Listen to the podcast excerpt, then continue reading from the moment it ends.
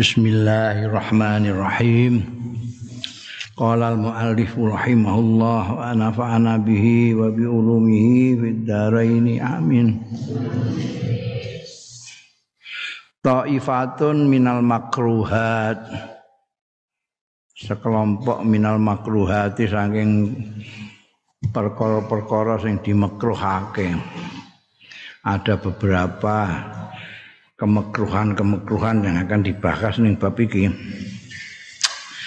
Al makruhu utai makruh fil islami dalam Islam.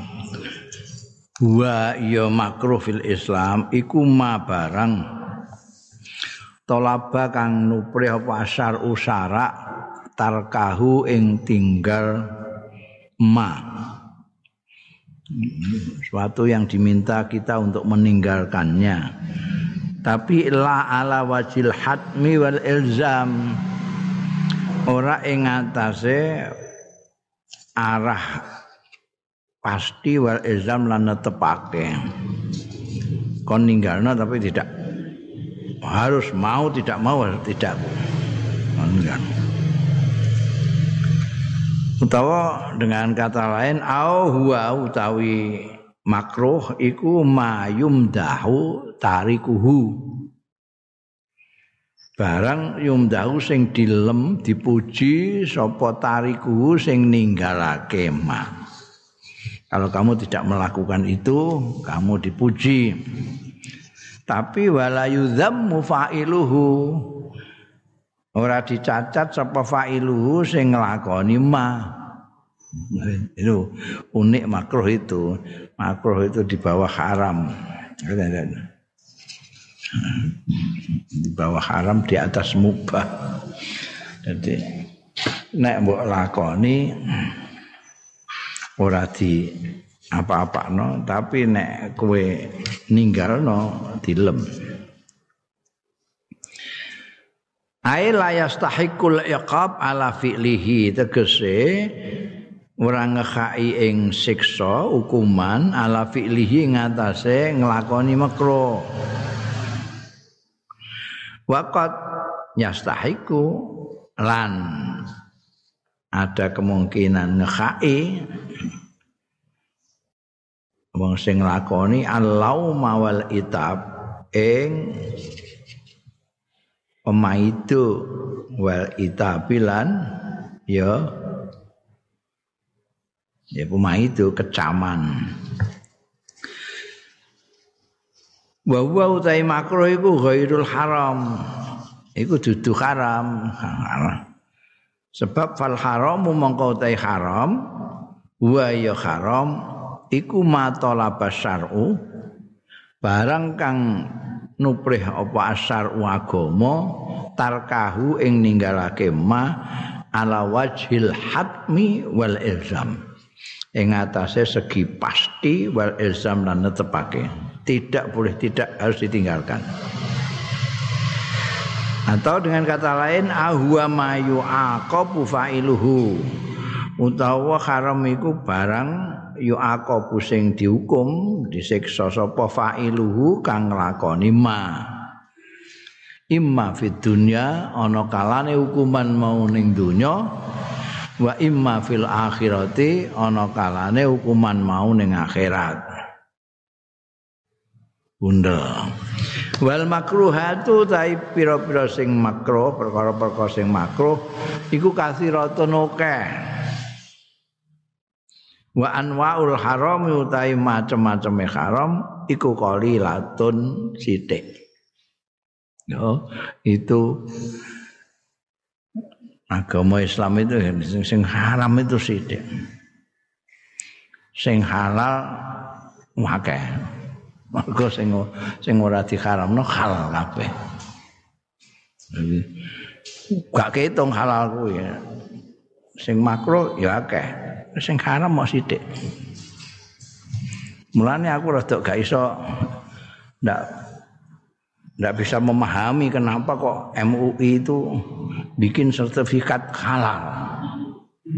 Kok enggak sertifikat haram? Lho kalau sertifikat haram kan ndak usah banyak pekerjaan. Wong mok sithik. kok golek sing akeh? Kan ini golek penggawean ini golek penggawean wong sing halal pirang-pirang. Sing haram di kayak anda sidik wes liane halal. Beres.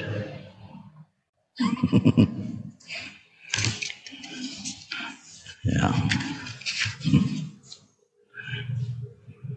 Mbah nek ana sing aku gak ngerti. Paminal makruhat mongko iku termasuk perkara-perkara sing dimekruhake fil ibadati ing dalam pira-pira ibadah utawi karohatul khuruj kemekruhane metu minal masjid saking masjid ba'dal adzani sakwise adzan. Illa li udzin kejaba krana udzur. Hatta yusalliya sehingga sembayang sapa wong sing metu mau eh ya sembayang sapa wong sing metu mau al maktubata ing sembayang fardu awil mafrudata utawa salat sing difardhoake Ana dene ning gone masjid bareng baratan kok metu kluyur-kluyur. Iku wong iki gendeng ta bener. Lha masjid iku lha apa sik mau masjid kok bareng adzan kok malah metu. Lu makro. Enteni salat dulu kena ampun. Kecuali nek blet ngising apa-apa ngono ya, iku jenenge ana uzur. Iki ora ana apa-apa unyur-unyur metu. iku makruh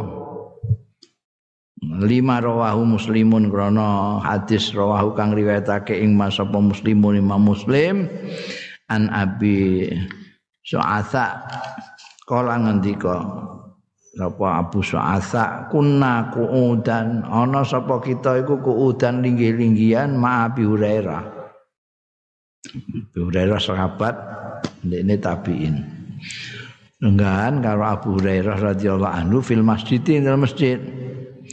Fa'adzan al muadzinu mongko adzan sapa wong sing adzan muadzine adzan.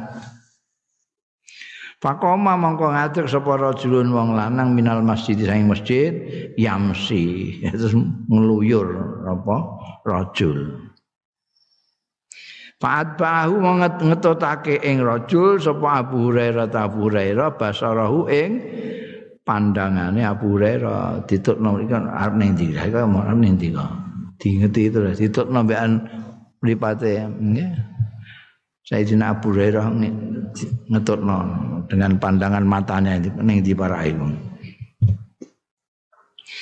Hatta kharaja minal masjid sehingga metu sapa rajul minal masjid saking masjid.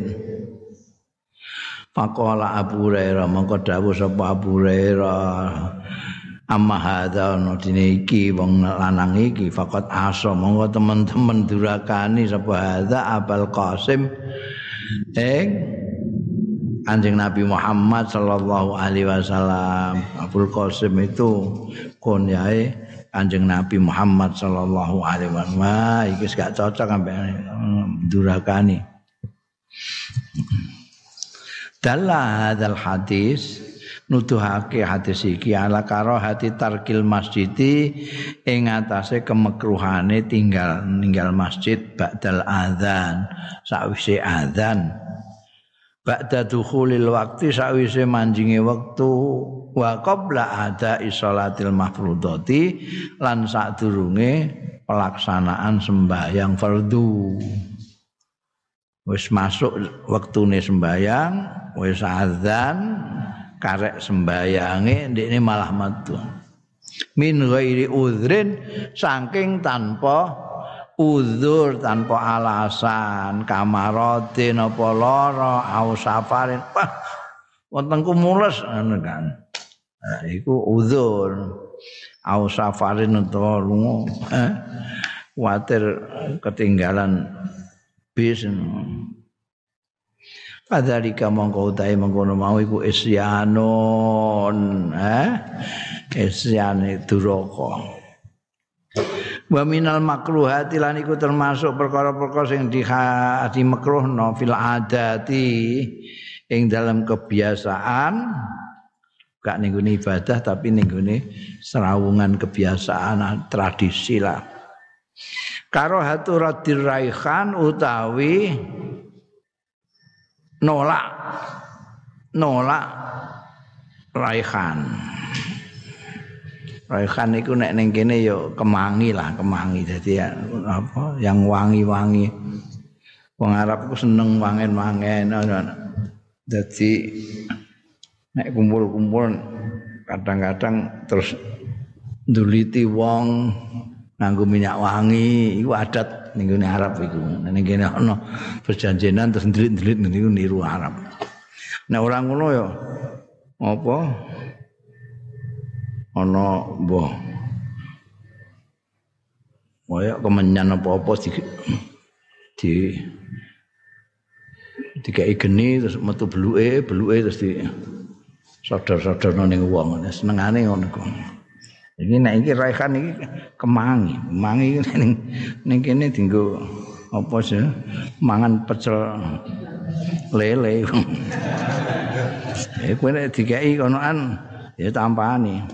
Wah gak doyan aku moh-moh. Mekro. ya. Karena diraihan. Autip. Nah, iki autip utawa wangen bi ghairi udhrin kelawan tanpa udzur. Ya iku mau ada orang yang tidak suka dengan bau tip yang menes-mene iki sing ke Mekah iku apa? Wong minyak hajar aswad. Mergo kadang-kadang seminggu gak ilang. Mbok dileletno kene mambu terus seminggu mambu terus. Biasane ana kiye-kiye senengane nganggo kono ane. Bahkan nek wayahe serakalan terus melaku wong diduliti eh apa klambine apa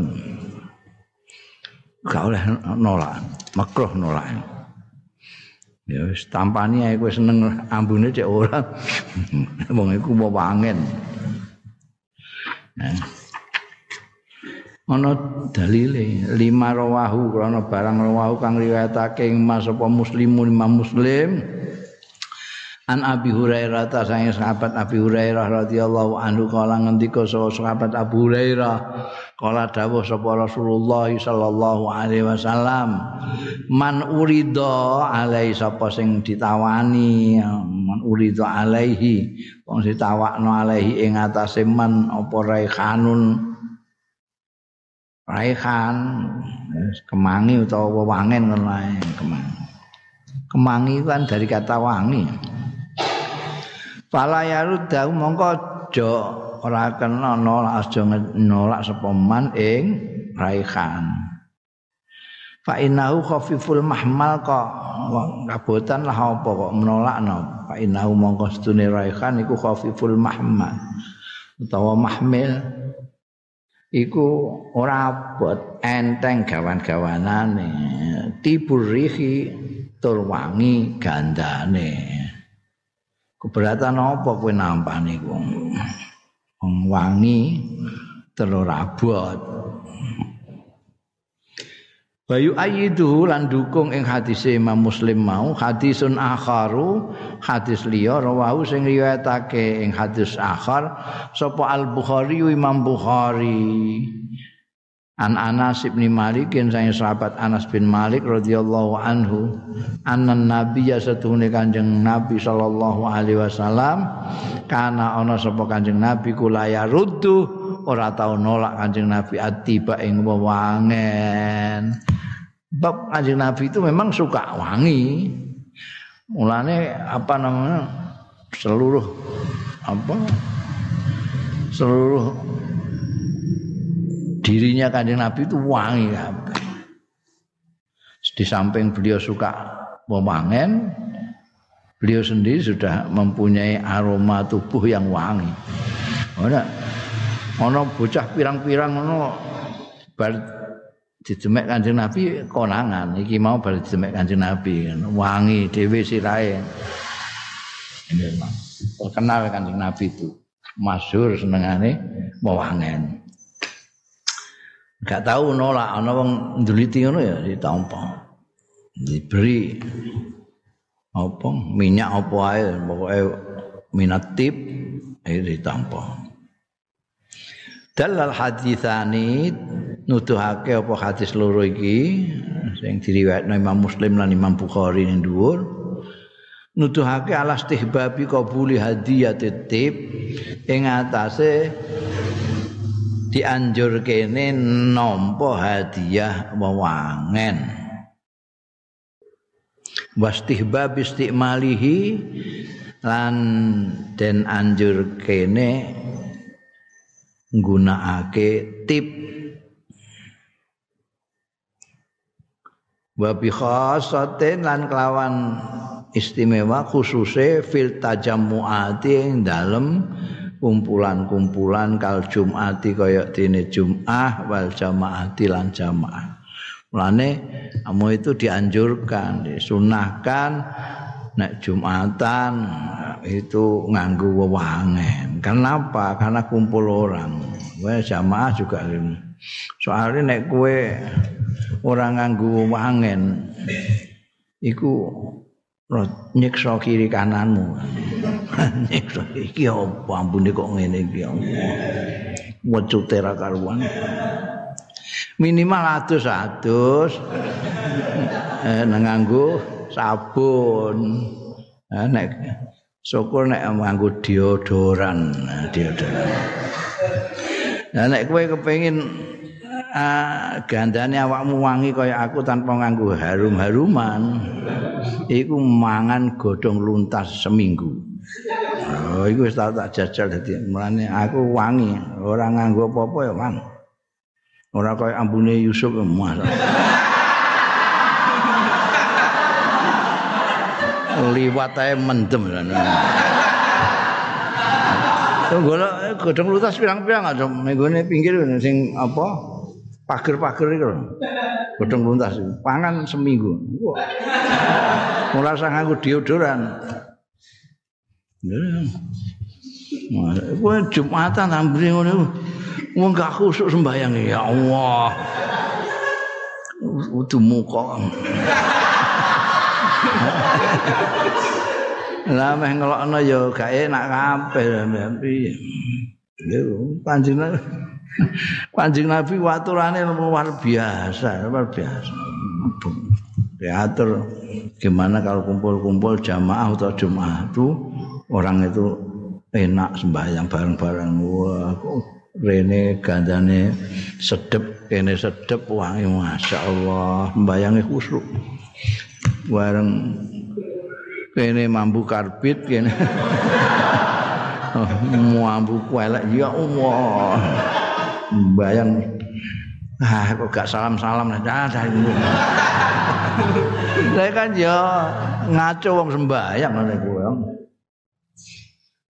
ngadus mau wangen-wangen wangen-wangen itu itbak kanjeng Nabi, kesunatan. Kesunatan. Lek orang nganggo apa-apa nanti ambune badak iku itbak karo gelandangan iku. Ya pantes lah antri kudu sing resikan. Nganggo wangen-wangen, sedep mambune. Panjenengan Nabi sedep banget, sedep banget.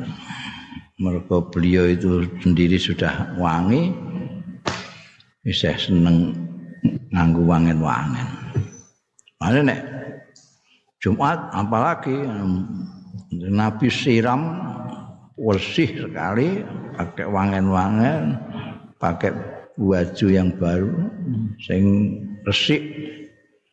Berangkat nih masjid wah wong seneng kabeh makmum kanjeng Nabi. Bundel wa min hadzil makruhatil amalan iku termasuk iki-iki kemekruhan sing umum karahatul madhi fil wajhi utawi makruh ngelem ning ngarepe raine wong. Mbok ning adep-adep kok mbok mbok lem. Ya Allah kan gantengmu kan. iku makruh iku. Mbok empat mbok ning ngarepe masyaallah monggo pintere kaya sampean ya Kang masyaallah terutama liman khifa marang wong khifa sing dikuatirake alaihi ngatasé man apa al hurur apa hurur hurur iku ketipu jadi apa jenenge terus terus gedindase no maksud hurur iku. Mbok elem terutama wong sing nek mbok delem gedindase. Muah terus gemblelengan itu hurur Wonge wonge jenenge magrur. Wong magrur iku wong bombongan itu magrur. Rumangsane hebat tenan. Dikuatirake hurur wal ijab. Ndekne engko terus ujub bangga ning awake dhewe wa sepadane hurur lan ijab. terutama kepada orang itu jangan kamu ngelem di depannya. Waya juzulan kena. Nek kowe kena apa almadhu ngelem? Lima yakman tumrape wong marang wong yakmanu sing aman ala nafsi ing atas awak dhewe man dalika ing mengkono-mengkono huru lan ijab kowe ngerti nek wong iku mbok lemo kaya apa wis wis biasa ae. Kowe ora diperseni ra apa mbok nyek ya tetep ngono ae mbok lem ya ngono ae wis ora. Ora terpengaruh blas nah iku boleh enggak apa-apa. Lil hadis krana hadis al muttafaq alaih an Abi Musa al Asy'ari saking sahabat Abu Musa al Asy'ari radhiyallahu anhu. Kala ngendika sapa sahabat Abu Musa al Asy'ari Sami'an Nabiyu mireng sapa Kanjeng Nabi sallallahu alaihi wasallam rajulan ing wong lanang yusni sing ngelem sapa rajulan ala rajulin ing atase wong lanang liyane. Kanjeng Nabi mireng ana wong ngelem kancane. Wa yudrihi wa yudrihi eh, lan banget-bangetake sapa rajulan ning rajulin fil madhi ing dalem pangalembonane wah tirik-tirik tuh ing ngelem wah sampean iku kok ganteng gua pakaiane noecis brengose apik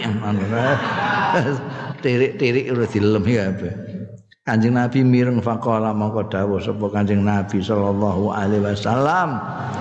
Ahlaktum kowe iku ngrusak sira kabeh. Ae kotok tum dhara rajuli ahlaktum rusak sira. Kotok tum tegese eh? Merotolna sira kabeh dhara rajuli ing gegere wong iki kabotan lem dong iki coklek gegere Ai auqa tumur rajul tegese kowe nibakno sira rajula ing wong lanang fil halaki ing dalem kerusakan. Lima krono barang yadkhulu sing mlebu alaihi ing atase rajul bayane min gururin nyatane bombongan apa gurur itu ketertipuan au ujbin utawa ujub.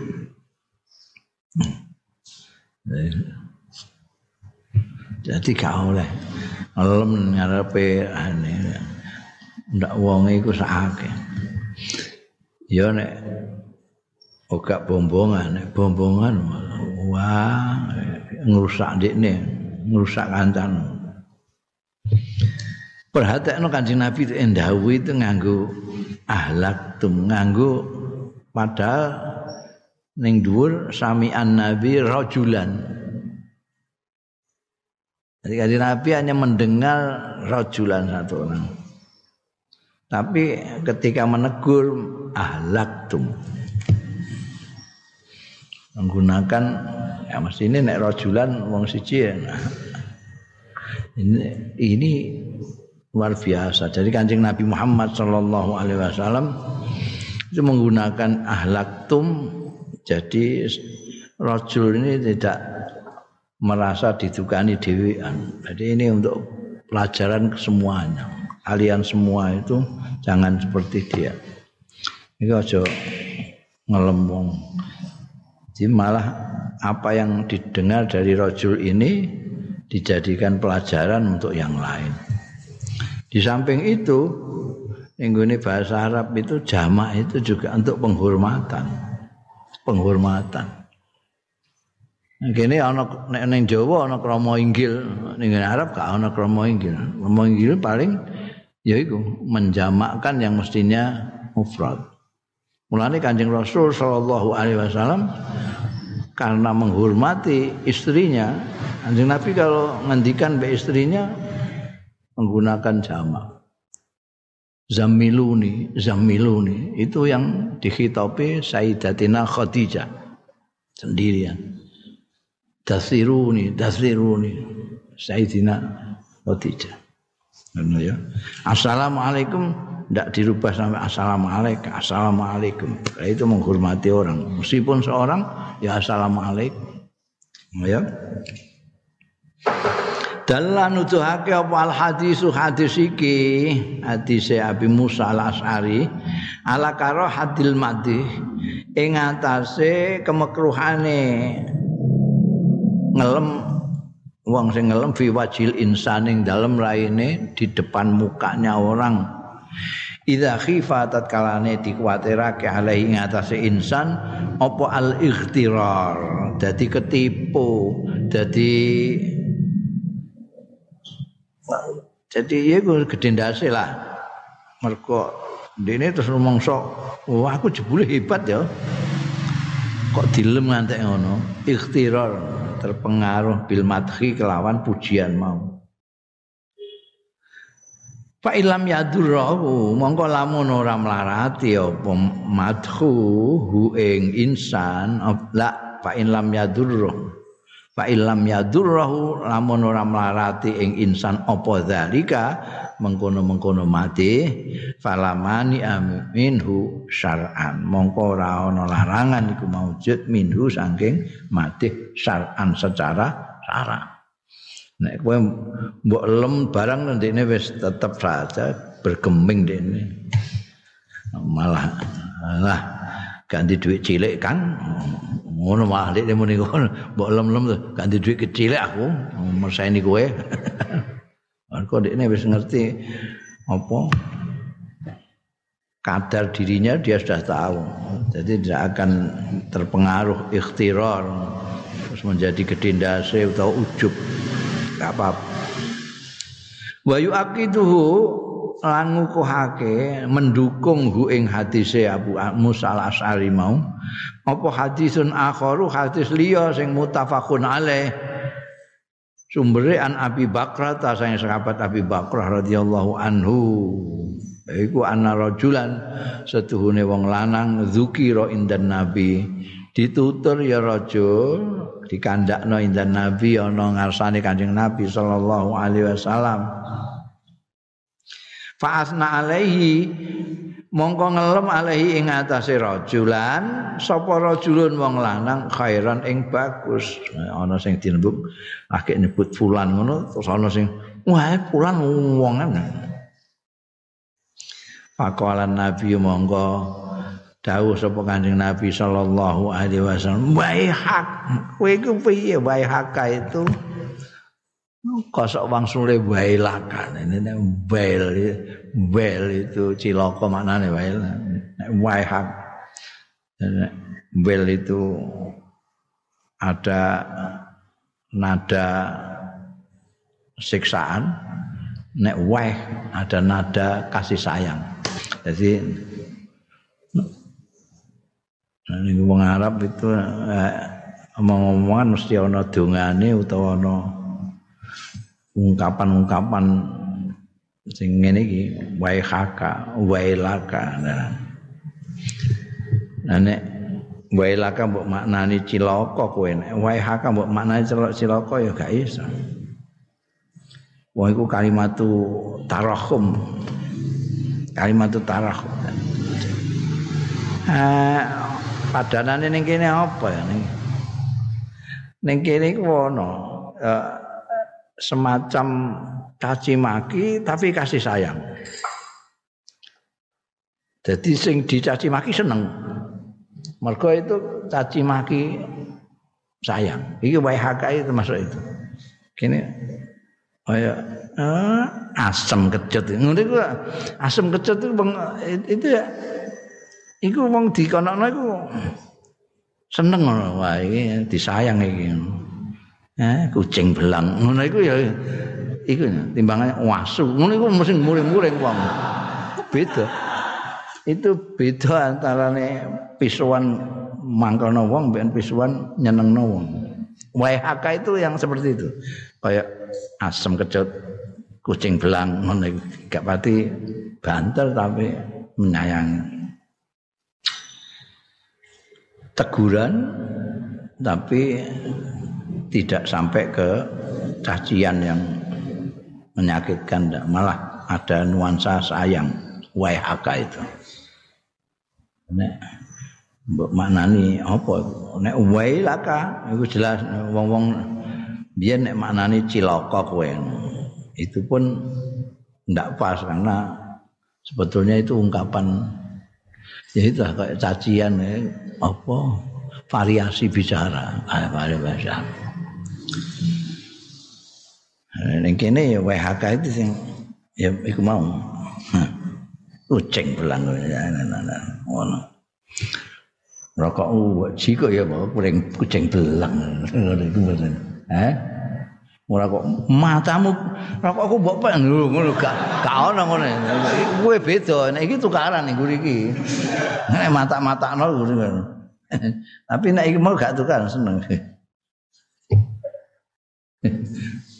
wasem rokok pek ya ngono kucing belang. Kopi ku mbok entekno. Iku bangsa ngono iku. Itu enggak begitu berat. Wae haka Oke, apa dilebokno ning ngene bahasa Indonesia wae haka. Tinggu ucap-ucapan wae hak. Timbangane muni kucing belang wae hak. Ben ketok arape ngono lho. Antum wae hak. Ayo wong Jakarta senengane antum antum akhi akhi ukhti. Nah, saya kowe nggunakno waihat. Nek ameh misuh wailak ngono. Kowe nak waihat. Manane apa kowe pokoke ngono iku. Kotok tamu nget mutus sira nugel sira motong sira unuka sahibika ing gulune kancamu. Ya kulo ngendikake sapa Kanjeng Nabi sallallahu alaihi wasallam hu ing dawuhe kotok ta unuka sahibika miraran berkali-kali. Kowe nek ngelem boleh iku hati-hati ana carane wong ngelem iku menurut Kanjeng Nabi Muhammad sallallahu alaihi wasallam. Aja sembrono. Ingkana ahadukum matikan. Amun ana sapa ahadukum salah siji ro kabeh ana iku madikan pancen kudu ngelem. Lama halata ora kena ora. Pancen wonge pantes dilem dari kowe kepengin ngelem. Fal yakul. Mongko supaya ngucap sapa ahadukum ah sabu kada wa kada saya kira ya orang baik ini saya kira. Jadi saya duga dia orang baik. Jangan memastikan ini orang baik. Ingkana senajan ana yura dikawruhi apa ana hustuhune orang yang dipuji ku kadzalika kayak mengkono kadza wa kadza misalnya orang itu betul-betul pinter kamu jangan mengatakan wah pinter cah kamu kita kok pinter cah iki ngono ada ada kita ada apa tidak memastikan itu loh, tidak memastikan senajan ketokmu pancen apik wong iku. Kamu jangan mengatakan wong iki apik tenan, wong iki apik tenan. Jangan. Tapi katakan aja tak kira apik cah iki. Hmm. Ingkana yura'ana kadzalika wa hasibullah. Hmm. Sing ngitung ing wong mau iku Allah Gusti Allah. wala yuzak kalan ora kena dilem diapikno disucekno Allah ngalahake Gusti Allah sapa akadun wong suwiji maksudnya tak boleh. Kalau yang betul-betul mengetahui orang itu terpuji atau tidak itu hanya Allah. Yang tahu persis. Kalau kita aja menduga kelihatannya kok baik. Ya kita mengatakan tak kira orang itu orang baik. Ngono jangan oh orang mesti api eh mau ikut. Enggak boleh itu namanya yuzaki alallahi. Jadi mau ikut hai Gusti Allah yang tahu persis orang itu baik hanya Allah. Dalan nuduhake apa al hadis hadis iki? Ala karahatil madhi jazafan. Ing atase kemekruhane ngelem jazafan. Begitu saja. Sembron apa anggerai jazafan itu oh ngelem secara begitu saja. Pokoknya tanpa menggunakan istilah tak kira saya duga mungkin nggak pakai gitu. Wis kayak memastikan. Jadi seperti menduga-duga tapi dengan kata-kata yang pasti. Bima laisa fil mamduh. Lawan barang kang ora ana fil mamduhi ing dalem wong sing dilem. Pain mada mongko lamun ngelem sapa wong. Falyakul mongko supaya ngucap sapa wong. Adzunnu zalik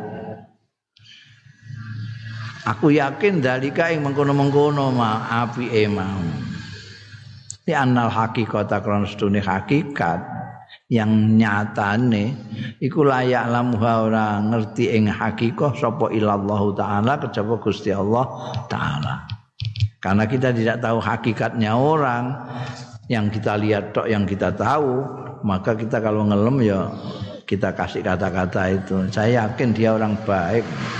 Tak lihat orangnya kok baik, tampaknya kok baik. Ngono. Ojo mbok pastikan.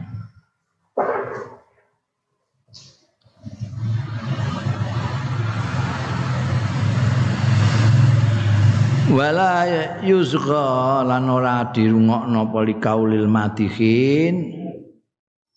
Arang ucapane wong sing ngelem kowe nek dilem aja mbok rungokno. Eh?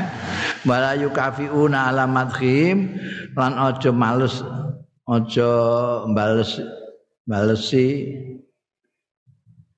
wala yukafauna ala madhim lan ora di aja mbok wala yukafauna ora dibalas sapa almadihin alamadhim ing atase pengaleme madihin. Jadi nek kowe dilem ambek wong ya saja rungokno aja aja mbok tengklengno piye piye piye malah ngono kowe? Eh piye? Aku aku piye? Ganteng. Eh oh iku es gak malah. Oh aja. Ya aja terus kowe dhewe yo ganteng ngono lho aja ora usah dikonokno. Tapi sadan liladha'i kanggo nutup lidha'i marang dari ahla jadi ahla itu uh, efek-efek rampingan yang lain.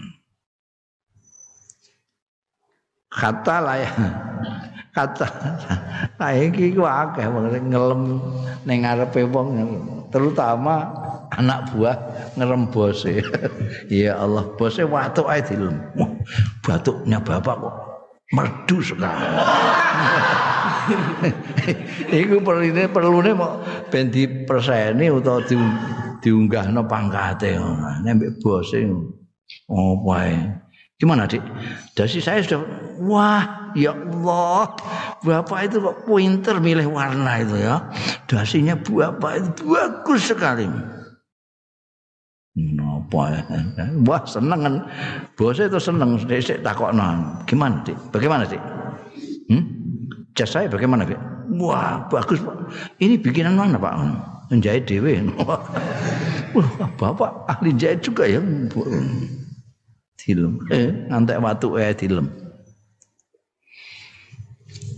Gue nek apa sing ngelem iku mbok perseni ya wis dienggo penggawean jangan mengelem. Terus mbok traktir. Iki bolak-balik ngelem aku. Tak traktir ini. Engko terus dilem neh kowe. Ampene ora trimo ganteng ngeloman sisan. Iki kenapa kok ditutup? Jangan sampai. Kata layat takhid alma. Sehingga layut takhod nek ora mbok abdi majulno ya kei wong layat takhid ora ngalap sapa wong. Supaya kowe ora nganggo domir barang layut takhod ora digawe apa almathu pengalembono ora digawe wasilatan dadi sarana ila takasubi maring nyambut gawe. Iku nyambut gawe ngelam ngelem eh diperseni ngelem nah wah renes aku nek ngelem dekne iku diperseni aku Iku gak oleh. Mulane harus ditutup itu supaya ndak jadikan penggawean. Penggawean kok ngelem. Iku kayak kacung niku majikan Ila takasub wal bilan goroh wal mughalati lan berlebih-lebihan al muqiati fil khuyala kang iso nibake fil khuyala ing dalam kesombongan wa takaburilan takabur wonge sing mbok lam-lem to. Terus gedhe ndase. Lima krana barang rawahu kang riwayatake mas apa muslimun imam muslim an Hammam ibn al-Haris anil Mikdad ibn al-Aswad radhiyallahu anhu anna rajulan satune wong lanang seorang laki-laki ja'ala uman dadi umandang ya rajulan yamdahu. Iku ngelem ya rajulan Utsman. Utsman ing sahabat Utsman radhiyallahu anhu. Fa amadal Mikdad mongko sengaja sapa Mikdad fajasa mongko berlutut. Berlutut apa cara jawane hmm, nggak ngerti ya itu wong Jawa aku ya berlutut.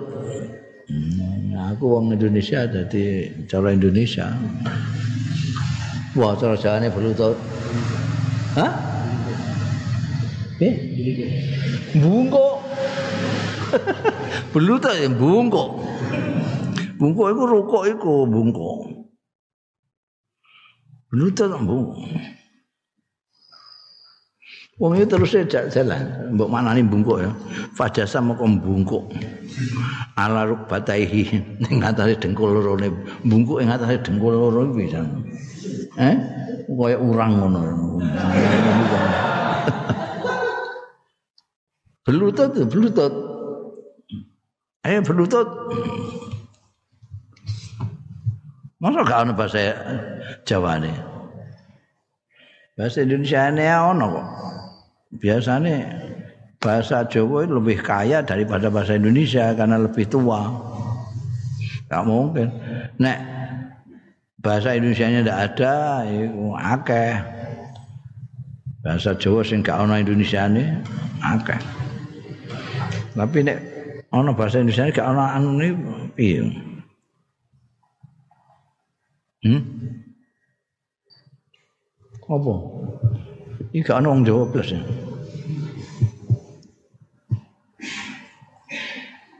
Apa?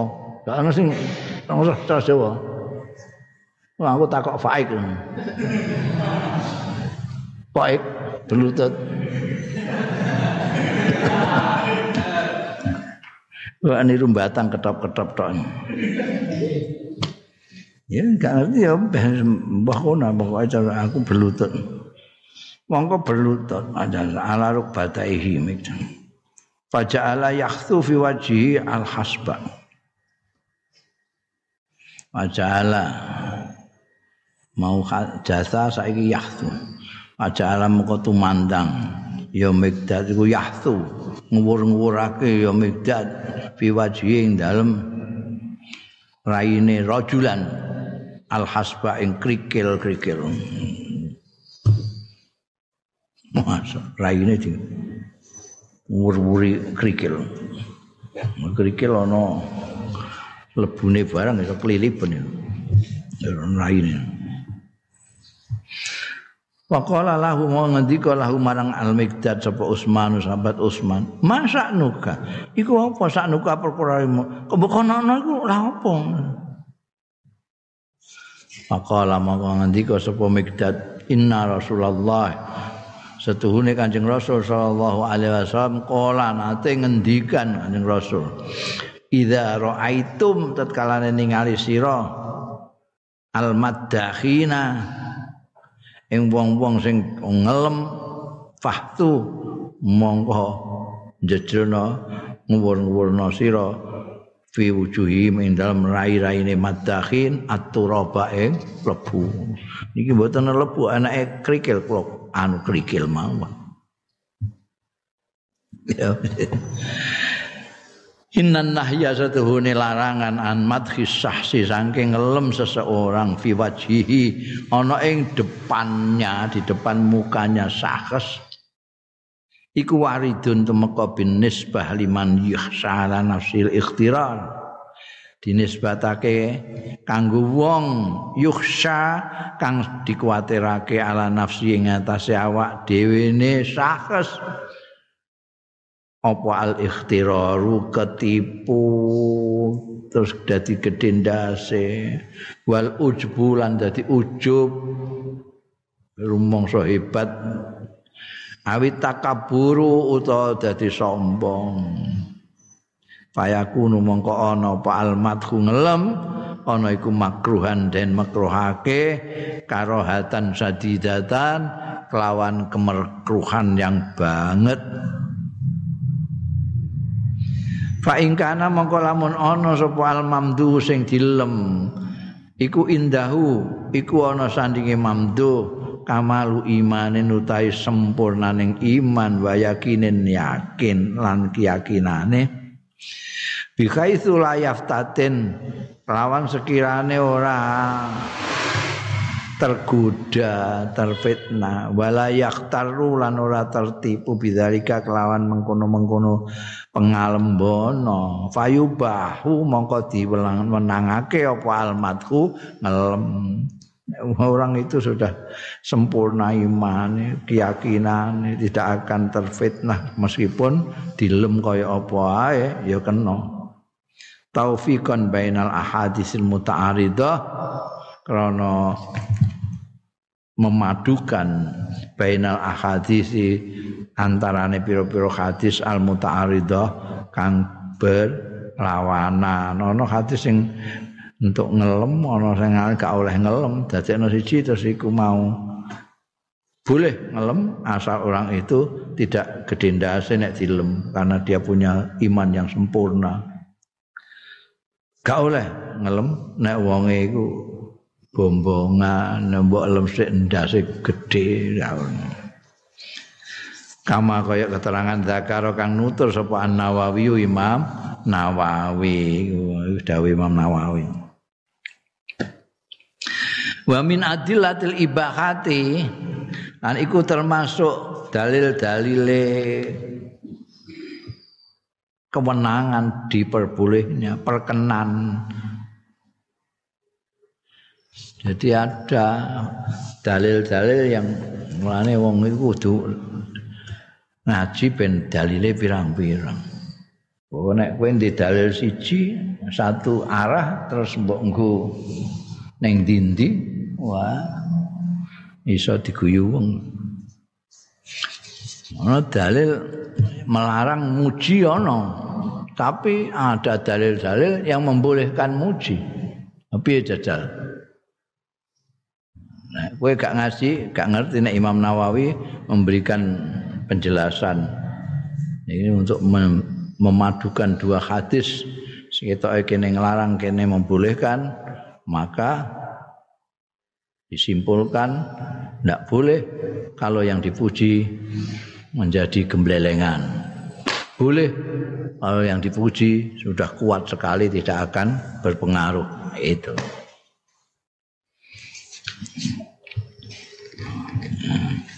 Wa min adilatil ibahah. Iki dalile perkenan.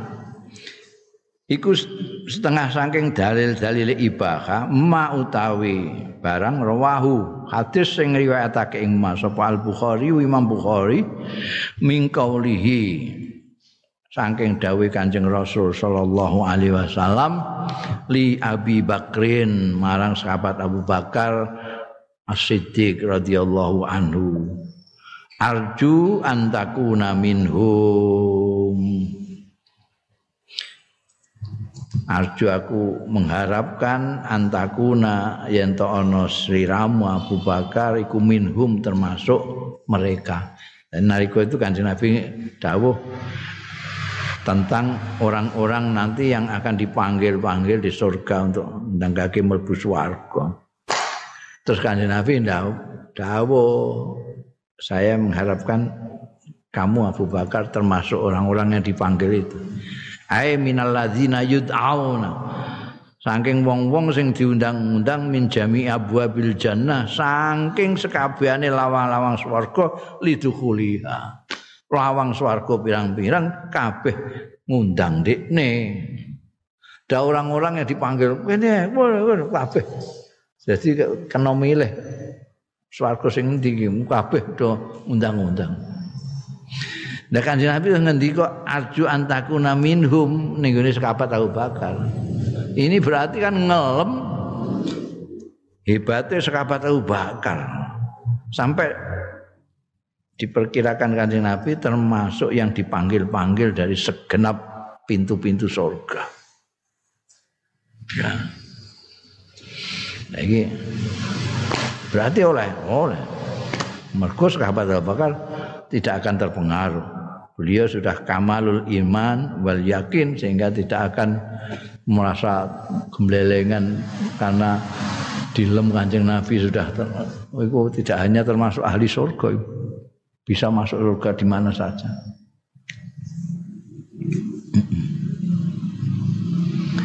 Wa fi hadisin akhara aniku kesebut ana ing hadis liya rawahu Kang riwayatake ing hadis liya sapa Al Bukhari Imam Bukhari aidon halimana fi sa'ni Abi Bakrin. Ing dalam perkarane Abu Bakar lasta minhum. Nalika iko winginane kae kan ana hadis Kanjeng Nabi Muhammad sallallahu alaihi wasallam ngelarang orang untuk isbal itu ngelembrehno pakaiannya sampai semata kaki eh, ngliwati kemiren. Itu mereka winginane wena isa eling terus kabar abakan ngen matur nek beliau itu nek nganggo apa nek gak dicekeli ngene ya nglembreh nek ning dindi nyekeli nalika itu kanjeng Nabi dawuh ning sahabat Abu Bakar lastamin hum kamu tidak termasuk. Itu kan ngelem. Ai lasta ora ana siramu minal ladzina yusbiluna izarahum khuyala. Termasuk wong-wong sing nglembrehno izarahum ing pakaian ngisore izare alladzina khuyala krana gemblelengan kemlete wis ora ora termasuk itu Ai lasta ya Abu Bakrin ora ana sliramu ya Abu Bakrin ya Abu Bakar. Mimman yutiluna saking barang yutiluna kang dawaake ya man saubahum ing pakaiane man takaburan krana takabur. Itu.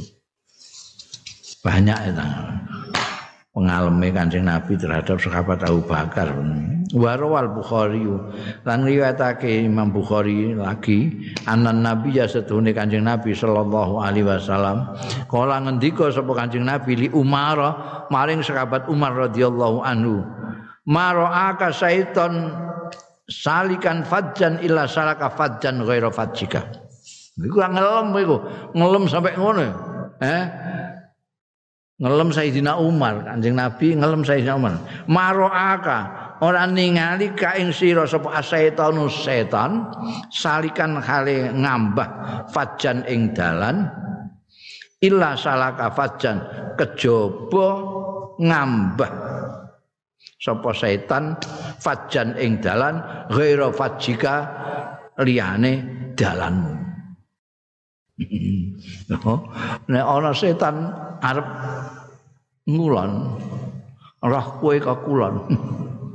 Balik cengkelan gak wani. No iku ora ngelem iku. Nah, itu dawuh kanjeng Nabi. Jadi sahabat Umar itu begitu wibawanya ora terima wong tok. Sahabat Umar itu wibawane kowe roh wis mlayu kowe sahabat Umar wong nek potong rambut iku kok sahabat Umar kok ngantek dehem mesti mencelat. Guntingnya mencelat. Waget wong. Padahal dem-dem karepe dhewe. Angkingan mlaku ana sahabat Umar mlaku ning ngarep ngono wong-wong do ning gurine. Sahabat Umar kok mandek. Kabeh mandek kabeh. Ana apa apa Sahabat Umar kok kono, setan kok kene, balik cengkelak setannya. Gak wani. Maro'aka syaiton salikan fajan ila salaka fajan ghaira fajika. Begitu lihat kamu datang ke langsung dia cari jalan lain setan itu. Kuatir nek ketemu awakmu. Kuatir kamplengin. Ono wong kok nganti wedi setan. Inna syaitana setuhune setan La tahu awak dhewe setan iku. Karena ana ya setan iku yarhabu. Geter. Wedi maqama Umar ing maqam sahabat Umar wasah sahulan pribadine sahabat Umar. Wa yafirulan melayu min tariqi saking dalan alladzi yasluhu sing ngambah sapa sahabat Umar hu ing ladzi tariq. Hmm. Setan ngetitir wedine ra karuan. Ngono sing apa tumbal. Gak wani macam-macam. Hmm. Wis sembayang terus kapan tumbal kaya apa. Setan kok wedi. Ini kan pengalem bono. Nah, kancing Nabi ngelem sahabat Umar sampai begitu itu berarti boleh. Nah kok ada yang larang? Makanya tadi dengarkan dawe Imam Nawawi tadi. Nah, gak oleh itu nek orang tidak kuat mental. Kamu tidak boleh ngelem orang yang tidak kuat mentalnya. Karena dia bisa terpengaruh jadi gede dasi. Tapi bagi mentalnya yang kuat, ya, contohkan di sini seperti sekabat Abu Bakar, sekabat Umar, tidak masalah gue ngelem.